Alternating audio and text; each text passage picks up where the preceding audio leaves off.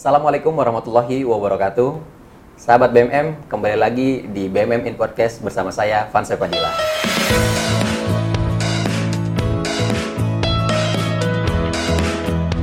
Sebelum kita mulai, jangan lupa like and subscribe channel YouTube kami di Baitul Mal Muamalat. Saat ini, saya sudah bersama salah satu praktisi yang sudah berpengalaman uh, di sektor keuangan, yakni Pak Wang Wardana, selaku Head of Retail Liabilities, Wealth Management, and Digital Banking Bank Muamalat Indonesia. Sahabat BMM, isi corona masih menjadi momok menakutkan bagi masyarakat dunia, terutama di Indonesia. Banyak sektor yang mengalami efek domino akibat isu corona ini. Salah satunya adalah sektor keuangan. Berdasar informasi, Indonesia juga mengalami koreksi pada kuartal kedua sampai keempat di tahun 2020. Nah, di tahun 2021 ini mungkin boleh dijelaskan Pak perkembangan ekonomi dari awal pandemi sampai saat ini. Baik, uh, terima kasih untuk pertanyaannya yang pertama terkait dengan uh, ekonomi di Indonesia. Jadi kalau kita lihat uh, Indonesia itu uh, terdampak uh, COVID-19 ya. Yeah. Itu dari awal tahun 2020 yang lalu. 2020. Ya kisarnya di kisaran bulan Februari, Maret ya. Uh, kita di pertengahan kuartal pertama. Hmm. Ya, kita bersyukur di kuartal pertama tahun 2020 yang lalu posisi pertumbuhan ekonomi Indonesia itu masih positif. Akan tetapi kemudian dampak dari uh, pandemi COVID-19 ini itu baru mulai kita rasakan ke ekonomi Indonesia itu di kuartal ketiga eh sorry kedua ketiga dan keempat. Tahun 2020 kalau kita bicara 2020 ya. Baik. dan itu memang pertumbuhan uh, ekonomi kita itu mengalami koreksi yang cukup dalam. Oh, ya terutama di kuartal kedua tahun 2020 awal mulanya pandemi. Awal mulanya pandemi Baik. hingga minus lebih dari 5% tapi kemudian di kuartal ketiga kita juga mengalami pertumbuhan ekonomi yang negatif dan kemudian ditutup juga di kuartal keempat juga kita masih dalam kondisi pertumbuhan ekonomi yang uh, negatif. Hmm. Jadi sebetulnya net-netnya di tahun 2020 yang lalu kita itu negatif uh, 2,07 persen. Nah ini kalau kita lihat uh, uh, apa namanya dampak dari uh, COVID-19 ini memang cukup signifikan ya mm-hmm. untuk uh, Indonesia. Betul. Tapi kalau kita lihat memang uh, penyebaran COVID-19 ini tidak hanya di Indonesia ya, Betul. ya, tapi terjadi secara global. Betul, Pak. Jadi Merata. sebetulnya dampak yang terjadi di Indonesia itu tidak serta merta hanya terjadi akibat melemahnya ekonomi Indonesia sendiri, oh. tapi juga berdampak dari uh, melemahnya ekonomi secara global hmm. seperti itu. Berkesinambungan yang ya, ya? berkesinambungan ya? betul. Karena kita kalau kita bicara masalah ekonomi udah tidak bicara saja lagi masalah domestik, tapi kita bicara masalah global. Betul. Nah betul. itu yang terjadi. Nah bagaimana di tahun 2021 eh, ini? Uh, kalau saya mengkuat dari beberapa media itu memang uh, harapan Bank Dunia terhadap uh, pertumbuhan ekonomi Indonesia tahun 2021 ini sudah mulai positif sebetulnya ya. Uh, sekitar ya kurang lebih 4,4 persen ya kalau saya uh, quote dari beberapa proyeksi uh, baik itu dari Bank Dunia maupun uh, Global Economic uh, uh, Prospect ya hmm. edisi Januari 2021. Nah, akan tetapi kalau kita lihat uh, dampak hmm. Jadi itu kan kalau kita bicara langsung ya 2021 ah. secara menyeluruh. Secara... Tapi kalau kita bicara kuartal pertama 2021 kita masih ada potensi pertumbuhan ekonomi yang mungkin uh, negatif. Oh. Ya, masih negatif. Masih ya, mungkin kita akan rasakan mulai positifnya nanti mungkin di kuartal kedua, ketiga hmm. dan kemudian keempat. Hmm di mana uh, beberapa memprediksi masih ada potensi ini bisa potensi ya bisa juga uh, uh, bisa dibantu juga ekonomi ini kita mulai membaik ini justru di momen Ramadan ini oh, karena kan okay. banyak orang mulai uh, consumer spendingnya juga meningkat hmm. ya jadi uh, harapannya ini juga bisa memperbaiki dari sisi ekonomi kita okay. nah kita sih berharap sih mudah-mudahan insya Allah di tahun 2021 ini kondisi ekonomi Indonesia itu membaik Amin. dibandingkan di tahun 2020 yang lalu ya. Tapi ya kita juga berharap dengan sudah mulai ditemukannya vaksinasi ya vaksin ya yang mulai disebarkan di seluruh masyarakat di Indonesia. Ya, mudah-mudahan uh, uh, isu-isu masalah pandemik uh, COVID-19 ini bisa segera terselesaikan. Nah, kalau misalnya terselesaikan, insya Allah sih seharusnya hmm. ek, uh, ekonomi Indonesia dan ekonomi global ini mudah-mudahan insya Allah bisa mulai terus membaik. Nah, walaupun PR terbesarnya itu kita mulainya tuh nggak dari nol ya Pak, dari minus ya Iya, dari minus. Dari betul. minus ya, kita yeah. nanjaknya gitu. Yeah. Baik. Kalau kita ngomongin ek perkembangan ekonomi, kita juga akan hmm. menyinggung uh, perkembangan ekonomi syariah. Yeah. Di beberapa media bahkan dipaparkan ekonomi syariah ini uh, salah satu yang kebal akibat pandemi corona. Nah, itu boleh dijelaskan Pak, bener nggak sih? Ya, yeah, seperti itu. Oke, okay. jadi kalau di tahun 2020 eh, yang lalu itu hmm. memang inilah uniknya ya. Baik. Jadi uh, ekonomi syariah di nah. Indonesia itu dalam kondisi uh, melambatnya perekonomian domestik ya dan okay. juga melambatnya ekonomi uh, global. Hmm. Alhamdulillah kalau kita uh, lihat aset perbankan syariah di Indonesia itu justru mengalami pertumbuhan yang positif oh, di tahun 2020 kemarin ya, ya sekitar 1,76 persen ya dan juga uh, kalau kita lihat ini in kontras ya dengan kondisi di uh, konvensional seperti itu. Okay. Uh, jadi kalau kita lihat sebetulnya uh, uh, ekonomi syariah ya dengan menggunakan konsep syariah ini sebetulnya uh, banyak memberikan kontribusi. Justru pada saat-saat kita sulit nih saat ini oh, ya. baik. bahkan kalau kita lihat dari sisi pembiayaan sendiri uh, ini juga mengalami uh, menoreh catatan positif di tahun 2020 yang lalu ya. Oh, uh, gitu. Padahal kalau kita lihat ya otomatis banyaklah kejadian-kejadian di tahun 2020 yang lalu hmm. yang dampaknya tidak hanya uh, pelemahan ekonomi tapi di sisi lain uh, alhamdulillah kita dari sisi uh, ekonomi syariah masih memberikan kontribusi yang positif oh. uh, bagi uh, perekonomian di Indonesia. Ya, alhamdulillah gitu.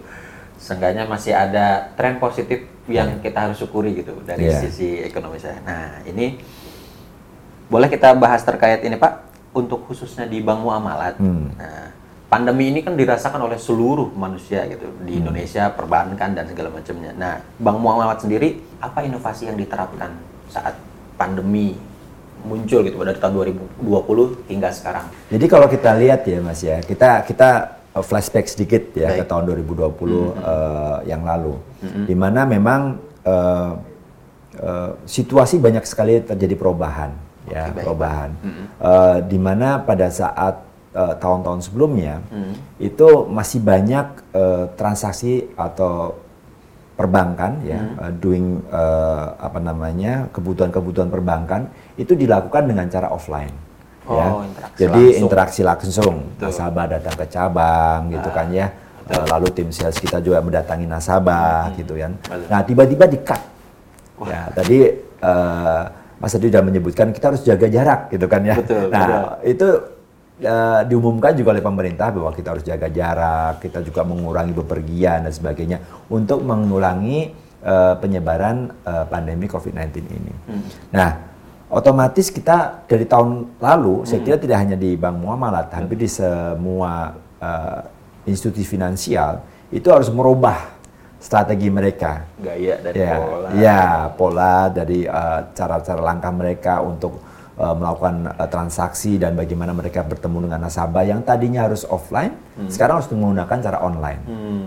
Baik. Nah, uh, tim kita juga di di Bank Muamalat juga otomatis uh, harus mengikuti protokol COVID-19 yang diterapkan oleh pemerintah maupun di di per, di bank kami juga hmm. karena di uh, tim kami di bank kami itu juga ada ada gugus COVID-19 juga oh, yang yang yang terus uh, mengeluarkan kebijakan-kebijakan, aturan-aturan protokol kesehatan harus diikutin. Mm -hmm. Ya, baik kita di internal uh, bank maupun pada saat kita bertemu dengan pihak lain terutama dengan nasabah. Mm-hmm. Kita mengurangi uh, pertemuan secara langsung tatap muka secara langsung dengan nasabah-nasabah kita. Mm-hmm. Kalaupun kita harus uh, berdiskusi, harus uh, melakukan konfirmasi, itu pun kita lakukan dengan cara video call atau dengan cara conference call atau mm-hmm. melalui telepon mm-hmm. seperti itu. Baik. Nah, otomatis mau nggak mau itu memaksa kita untuk mempercepat strategi kita khususnya dalam hal digitalisasi.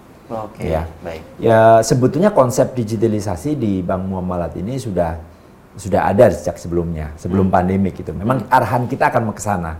Ya, karena melihat uh, menjawab tantangan uh, baik itu global maupun domestik bahwa kebutuhan perbankan nanti ke depannya itu akan lebih banyak uh, menitik beratkan kepada digitalisasi. Hmm. Nah, sebetulnya kita sudah mengarah ke sana. Oh. Tapi kodoroloh dengan adanya COVID-19 ini, nah. hal tersebut harus kita realisasikan secepatnya. Hmm. Ya, secepatnya tanpa Baik. harus tadinya mungkin statusnya mungkin beberapa waktu ke depan ini kita uh, press untuk kita bisa uh, percepat hmm, ya akselerasi konsepnya akselerasi betul. betul. Nah, uh, di tahun 2021 kita salah satu strategi kita -hmm. adalah di pilar salah satu pilar kita adalah untuk pengembangan uh, perbankan digital.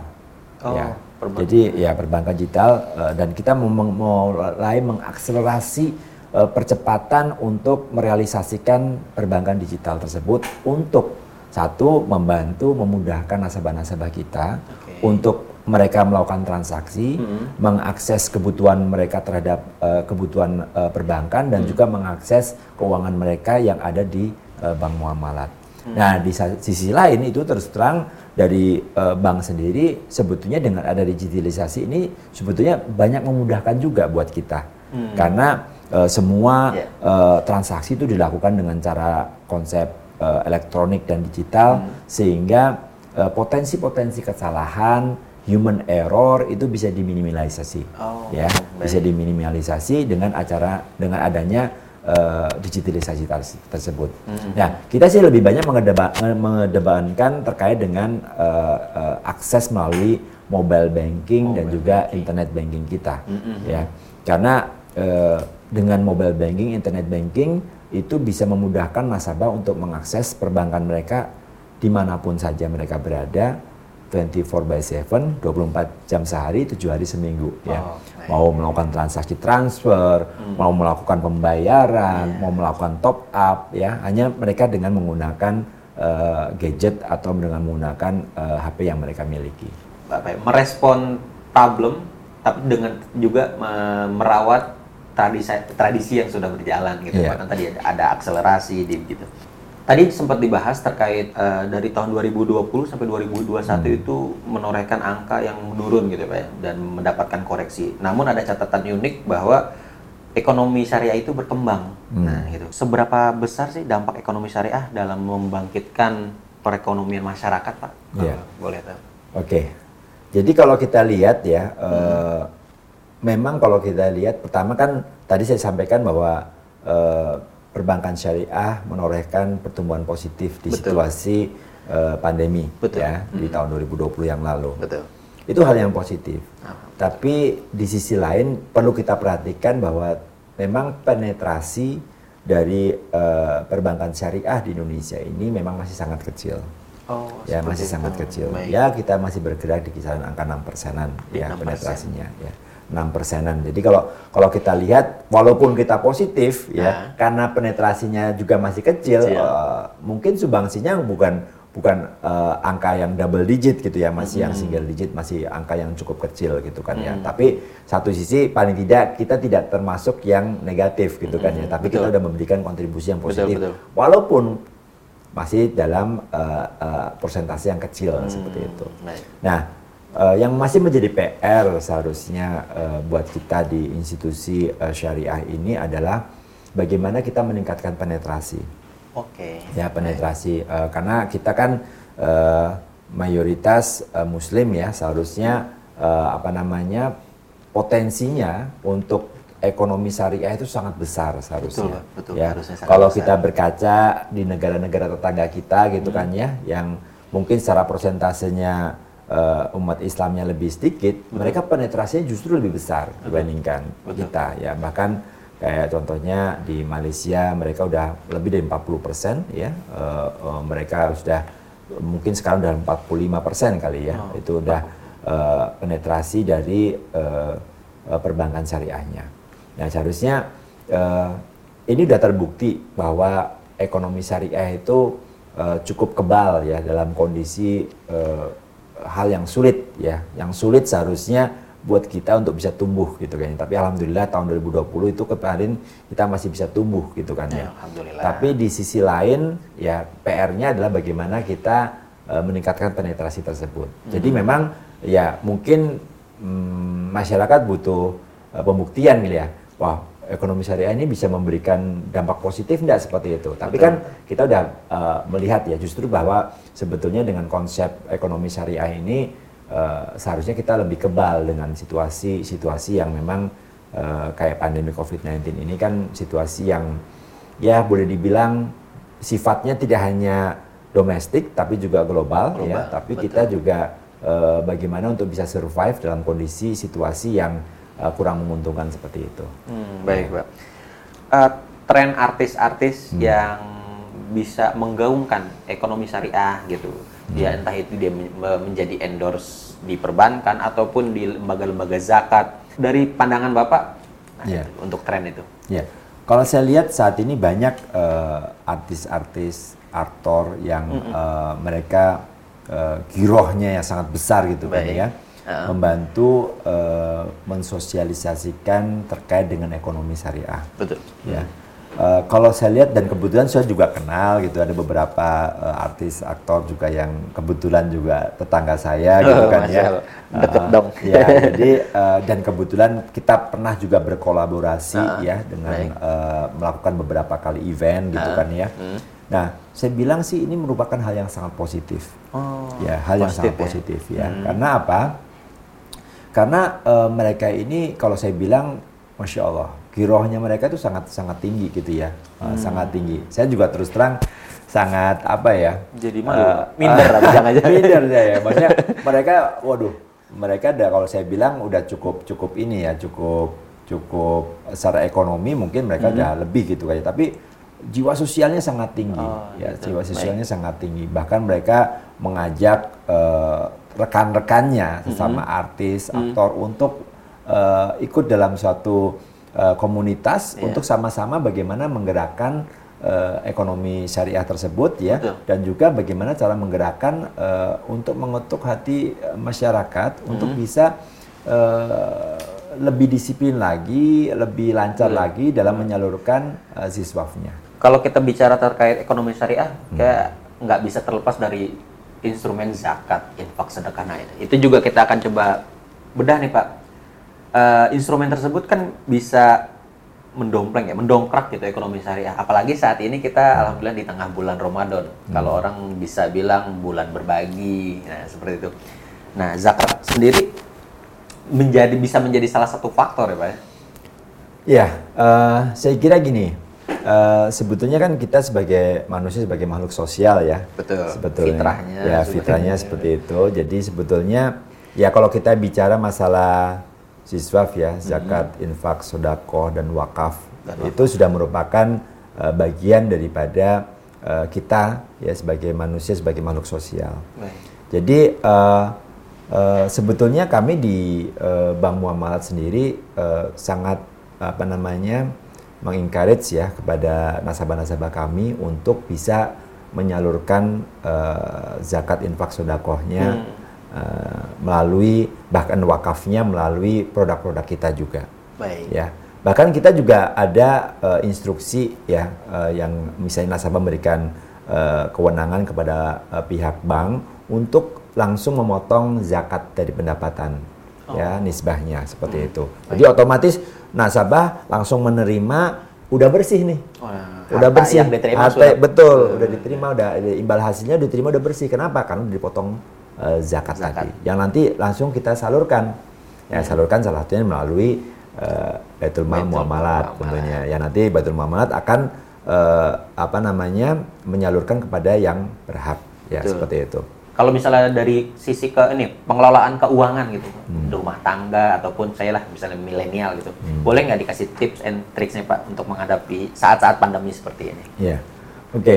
Eh, saya kira gini, eh, kalau saya tips terkait dengan keuangan sebetulnya berlaku di segala waktu, ya, segala Oh. segala waktu Jadi dan medan Nggak sebetulnya. harus nunggu pandemi. Ya perlu harus menunggu pandemi gitu kan. Jangan ya eh, mungkin ada sesuatu yang spesial memang di momen-momen seperti saat ini. Baik.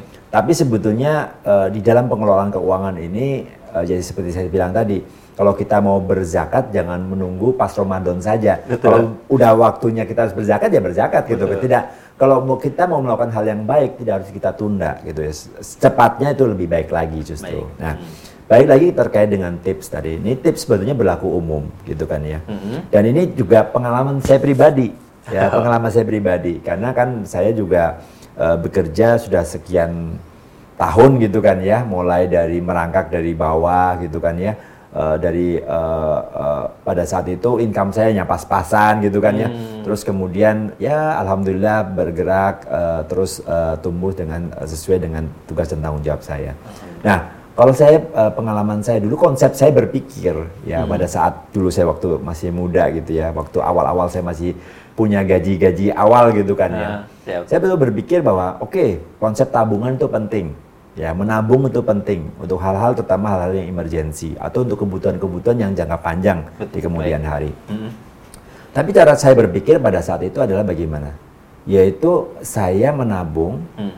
ya setelah saya menerima gaji misalnya di akhir bulan gitu kan ya menerima gaji setelah saya melakukan spending ya melakukan pengeluaran baru sisanya saya tabung Oh, tabungan itu hasil setelah di pengeluaran. pengeluaran Hmm, gitu baik. kan ya nah itu saya saya lakukan selama beberapa tahun di awal saya bekerja Tahun-tahun pertama. ya lalu kemudian saya kebetulan di hire di perusahaan yang lain Mhm. Dan kemudian ya alhamdulillah kodollah gaji saya naik pada saat itu. Alhamdulillah. Saya berpikir, waduh gaji saya naik berarti saya bisa spend lebih banyak, berarti saya bisa mulai saving lebih banyak saat ini. Mhm. Ternyata tidak. Kenapa? Karena konsepnya yang tadi awal saya spend dulu baru saving. Oke.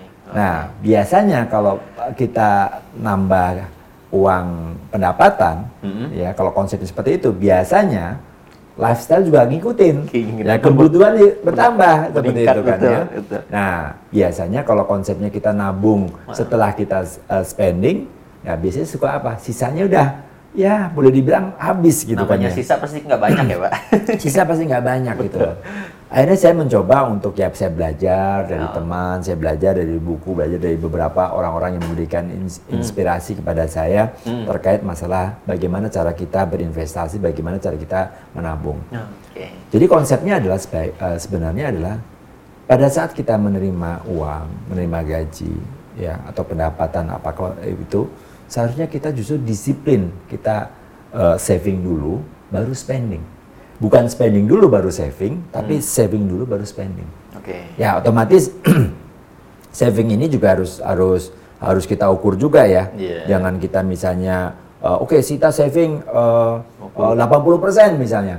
Nah, 20% ya kalau cukup untuk cash flow kita. Nah, akhirnya kita hidupnya menderita, nggak juga seperti itu gitu kan ya. Nah, Iya. tapi memang kita punya ta- kita harus punya target. Misalnya oke Hmm. kita spend eh, kita saving eh, 10 sampai 20% misalnya. Oke. Oke, yang 80% misalnya kita baru kita pergunakan untuk kebutuhan kita hari-hari seperti itu. Oke. Tapi kita harus disiplin.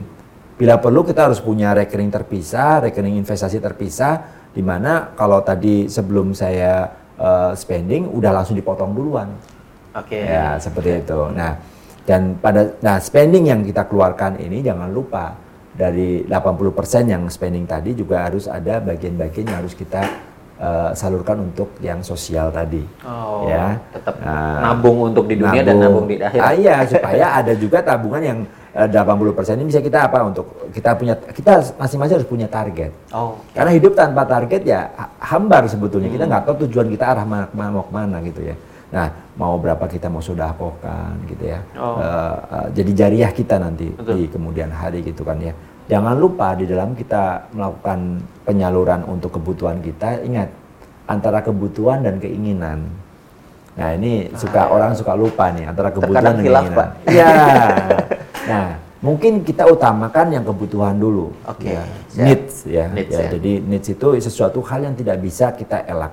Baik. Ya kebutuhan baik itu mungkin kalau kita udah punya anak udah kebutuhan pendidikan ya, Hmm. eh, eh, ya pokoknya makanan dan sebagainya untuk kita bisa hidup gitu kan ya. Nah Pokok ya. baru kita kalau ada yang lebih baru kita bisa bicara masalah eh, keinginan. Karena kalau kita bicara keinginan, nggak akan pernah ada cukupnya, mas. Oh. Tidak akan pernah ada cukupnya. Benar. Wah, saya punya, misalnya saya punya handphone satu, kelihatannya handphone yang itu keren juga nih. Belilah yang itu. Padahal nggak ada kebutuhan, cukup satu, gitu kan. Ya, kita nggak mungkin terima telepon langsung dua gitu atau tiga sekalian, kan nggak mungkin gitu kan. Betul, Jadi betul, Pak. kita lihat dari sisi kebutuhan. Eh, satu lagi, eh, Mas terkait dengan eh, tips tadi ya. Jadi eh, terkait dengan eh, tadi saya sudah bilang sampaikan bahwa eh, terkait dengan eh, berapa yang harus kita saving, Saving. dan apa yang harus kita spending. Tapi jangan lupa juga di dalam saving tadi kita harus memikirkan juga kebutuhan terkait eh, eh, jangka pendek, menengah dan panjangnya. Oh, itu menjadi faktor. Uh, itu penting juga karena kan ini gini, jangan sampai kita salah setting ya.